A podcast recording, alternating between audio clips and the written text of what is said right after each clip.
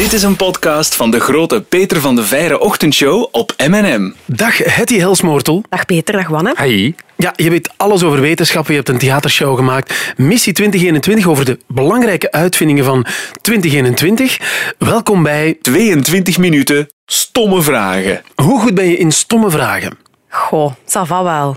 Ja? Ja? Wat is de stomste vraag die je ooit gekregen hebt, denk je? Mijn moeder heeft mij altijd gezegd, er bestaan geen stomme vragen, alleen maar stomme antwoorden. En dat is heel cliché, maar eigenlijk geloof ik daar wel in, in dat motto. De- Uw moeder heeft gelijk, Ja. sowieso. Dit is 22 minuten stomme vragen over wetenschap met Hetty Helsmoortel. Als de 22 minuten voorbij zijn, stoppen de vragen. Hetty, we gaan even een klokje starten. Stomme vraag om te beginnen, Hetty. Maar wat heb jij zelf ooit uitgevonden? Niks eigenlijk. Ehm, nee. Nee, ik heb acht jaar kankeronderzoek gedaan. Dus ik eh, werkte op een heel zeldzame vorm van kinderkanker. Ja? En ik heb daar een linkje gevonden tussen een bepaald stukje in ons DNA en hoe erg die ziekte voor die kindjes dan verloopt. Maar dat is natuurlijk geen uitvinding. En dat is ook iets, ja, zijn we daar iets mee? Waarschijnlijk niet.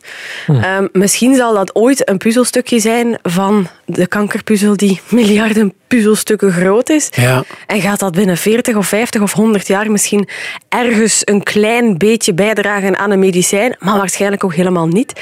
En dat is het hele ding met wetenschap. Hè. Dat gaat zo traag. Ja. Je zit als onderzoeker zo in een niche te werken, op het kleinste van het kleinste. Ja, want je, je was een onderzoeker. Ja. Je bent echt een, eh, een heel slimme vrouw.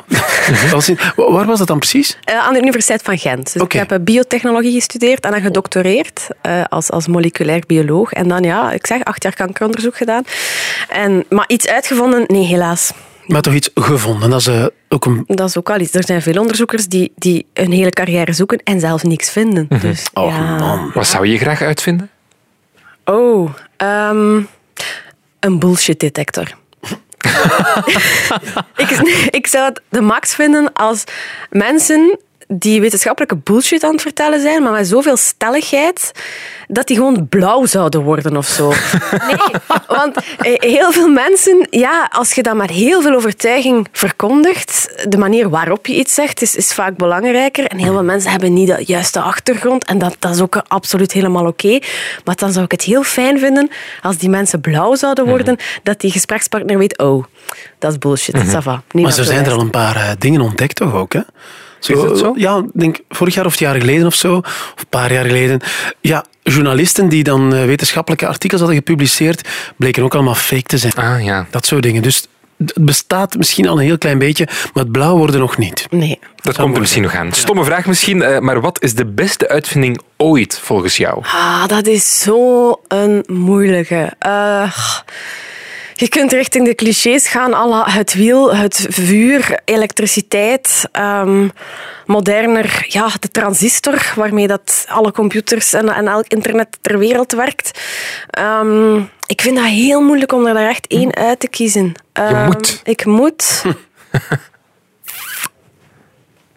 Misschien de drukpers dan Oké. waarmee we ja, boeken konden beginnen drukken, geprinte media. Ik denk dat dat een, een enorme invloed gehad heeft op de kennisontwikkeling in onze wereld. Maar wat ik ook zo boeiend vind daaraan, dat is een beetje zoals evolutie. Ehm, alles bouwt ook altijd maar voort op elkaar. Stel dat we zo duizend jaar geleden plots iets anders hadden uitgevonden en dat we zo daardoor een heel, hele andere weg waren ingeslaan, technologisch. Dat is toch, dat is toch super boeiend? Ja, dat weet je niet, hè? Ja, nee, voilà. Had allemaal gekund. Oké, broek... eh boek. ook volgens mij de broekdrukkunst. Ja, Ook ook, ook belangrijk geweest. Belangrijk geweest, tuurlijk wel. Wat is de slechtste uitvinding geweest volgens jou, Hetty? Of de gevaarlijkste? Oh man, moet ik er weer één kiezen? Ja, ja, je, Ja. Moet, je moet.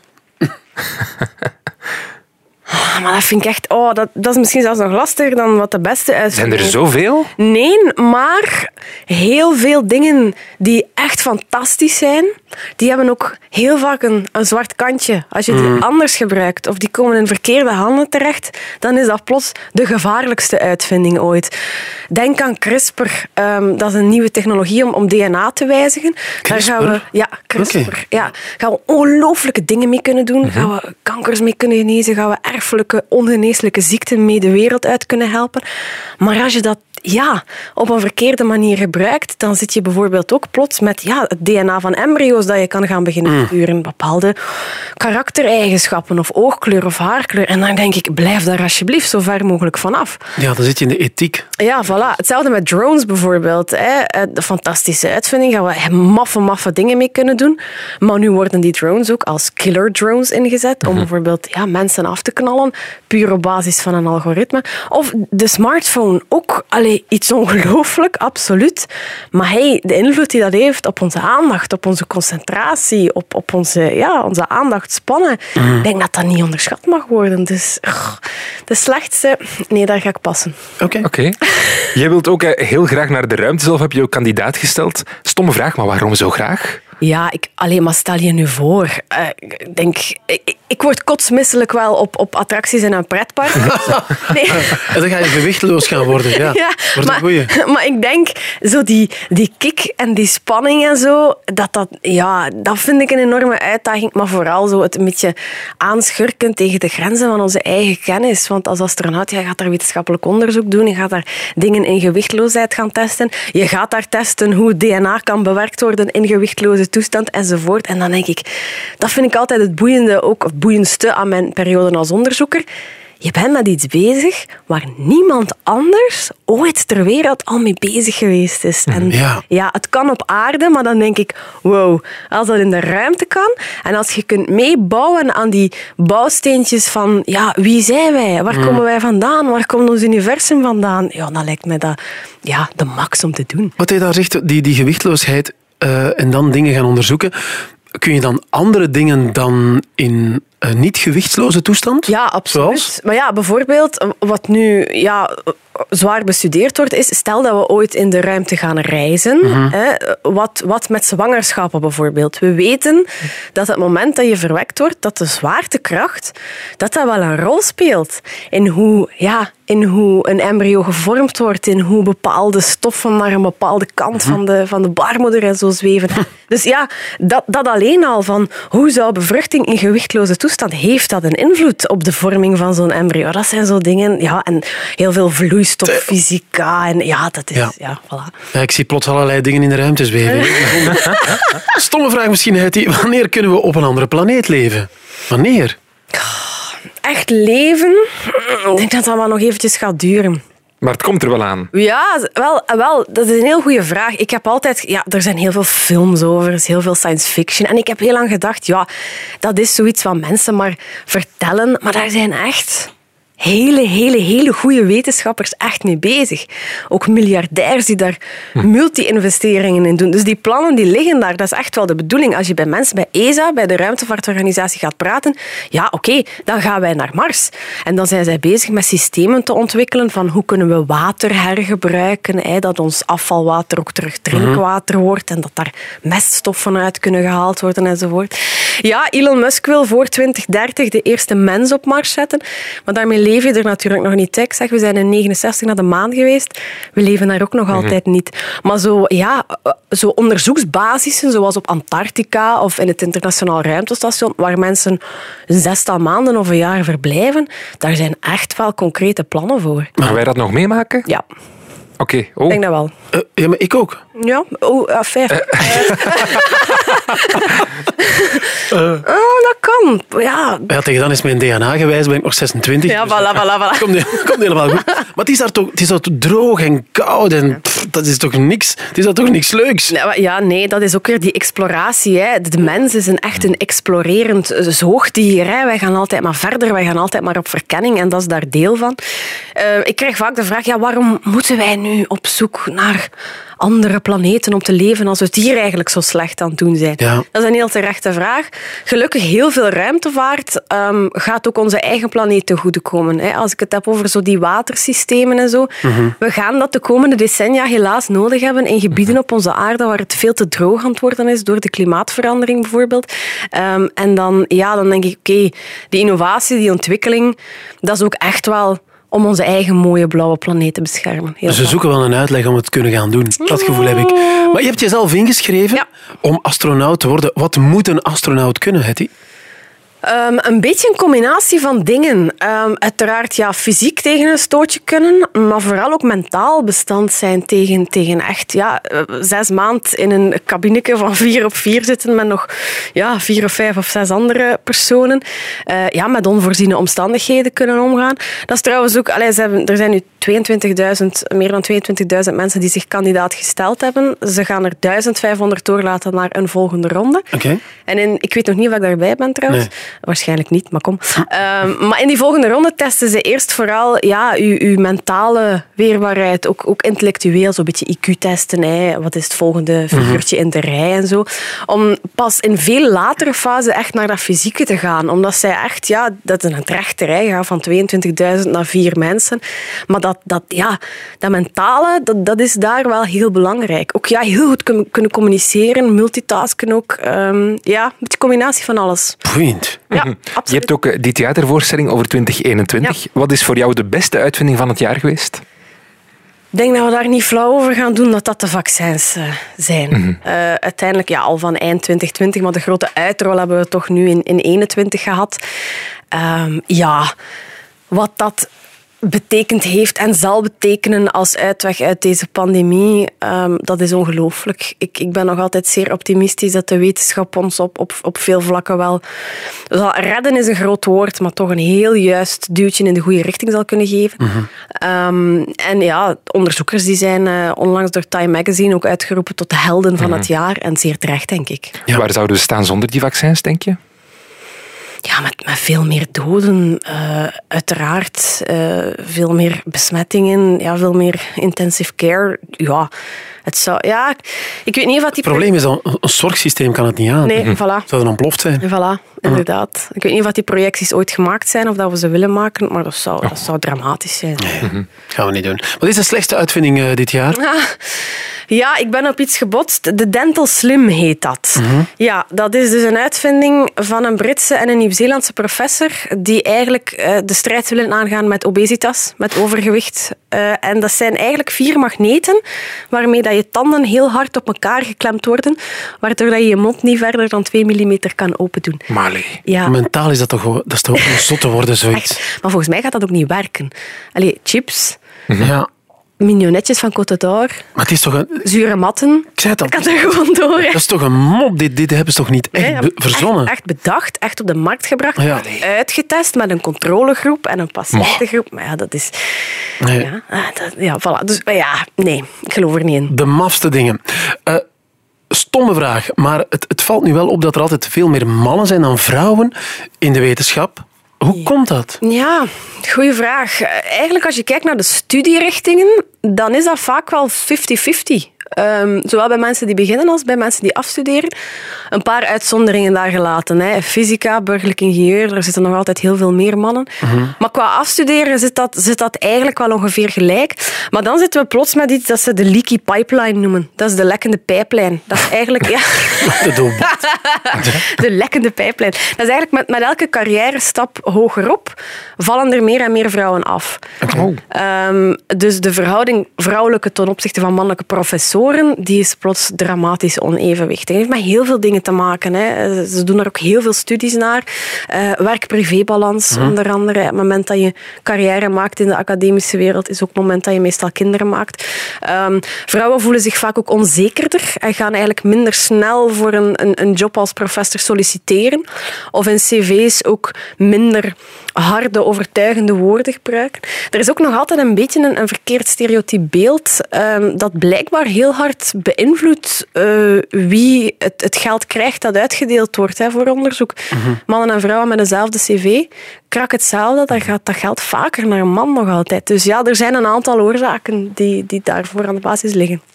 Hoe ver kan je gaan, vind je, in de wetenschap? Eh, Bijvoorbeeld, we zouden perfect baby's hun geslacht en haarkleur kunnen aanpassen. Kan dat of niet? Ik vind dat dat alleen kan als daar een medische noodzaak voor is.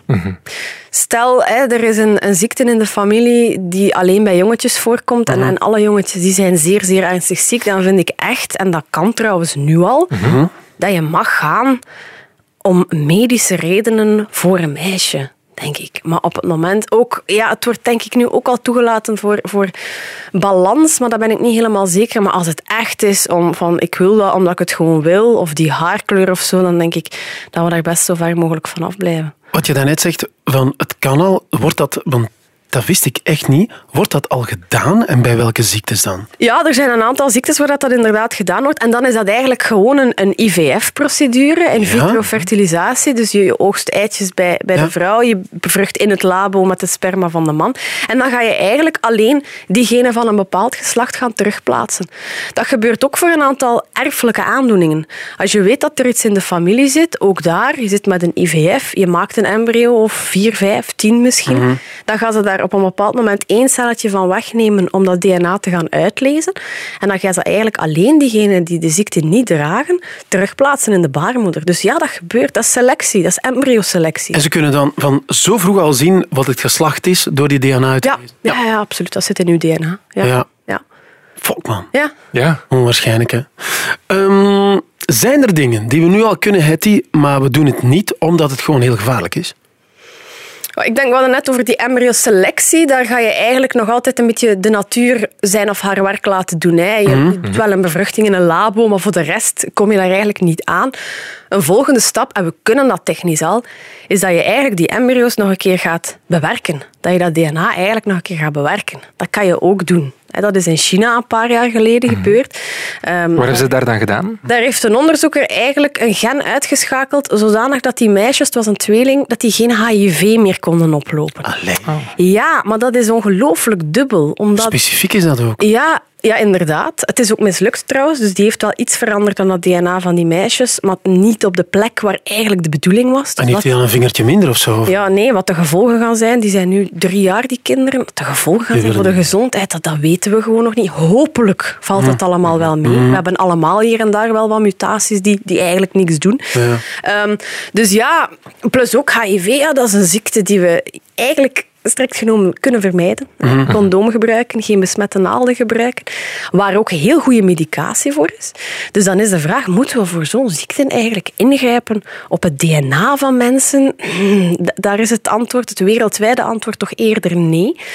Maar het kan in bepaalde gevallen misschien wel interessant zijn. Hè? Zeer ernstige aandoeningen waar geen medicatie voor is, waar kinderen op één of tweejarige leeftijd aan sterven. Ja. Stel dat dat wel iets zou kunnen verhelpen. Dus goed, als antwoord op je vraag, we kunnen dit technisch, het staat nog niet 100% op punt, maar we zouden het kunnen. Maar we zijn het nu nog niet aan het doen, omdat denk ik, ja, ethisch, maatschappelijk, dat debat nog niet helemaal afgelopen is. Maar heel pessimistisch, stel dat we dat doen, wat zou daar kunnen mislopen? Ja, ons DNA zit zo complex en vernuftig in elkaar. Ehm, een, een gen of een stukje DNA heeft ook... Als je het bijvoorbeeld zou aanpassen om, om ik zeg maar iets, iets in de lever ehm, terug goed te krijgen, en we weten eigenlijk op dit moment nog niet dat dat eh, stukje DNA ook in onze hersenen betrokken is, bijvoorbeeld, en je verandert daar iets aan, en je ziet wel, oké, die lever geneest, maar plots gebeurt daar ook iets in. Wij weten nog zo weinig. Wij weten nog maar het topje van de ijsberg over ons DNA, en dat is, dat is op dit moment gewoon veel te vroeg. En kan waarschijnlijk ook iets in gang zetten dat je niet wist op voorhand. Exact, Dat soort dingen. exact. Oh. Ja, ja. Misschien nog een stomme vraag, maar eh, eventjes naar Jurassic Park. Kunnen we op dit moment bijvoorbeeld al dino's opnieuw laten rondlopen? Nee, nee, dat gaat niet. Ehm, het, het grote, er lopen eigenlijk nog dino's rond, hè. Mhm. De kippen. Dat, dat, zijn, dat zijn dino's. Nee, maar ja, je lacht, maar dat is waar. Ja, Eh, ik zat hebben- meteen met Jan-Jan Bon in mijn hoofd, maar het is... Sorry Jan, het is niks persoonlijks, ik had het gewoon. Of jijzelf. Of ik zelf bijvoorbeeld. Is dat. Dank u, Hetty. Nee, maar wat je eigenlijk nodig hebt om die opnieuw tot leven te wekken, zeg maar, dat is opnieuw hun DNA. Hè.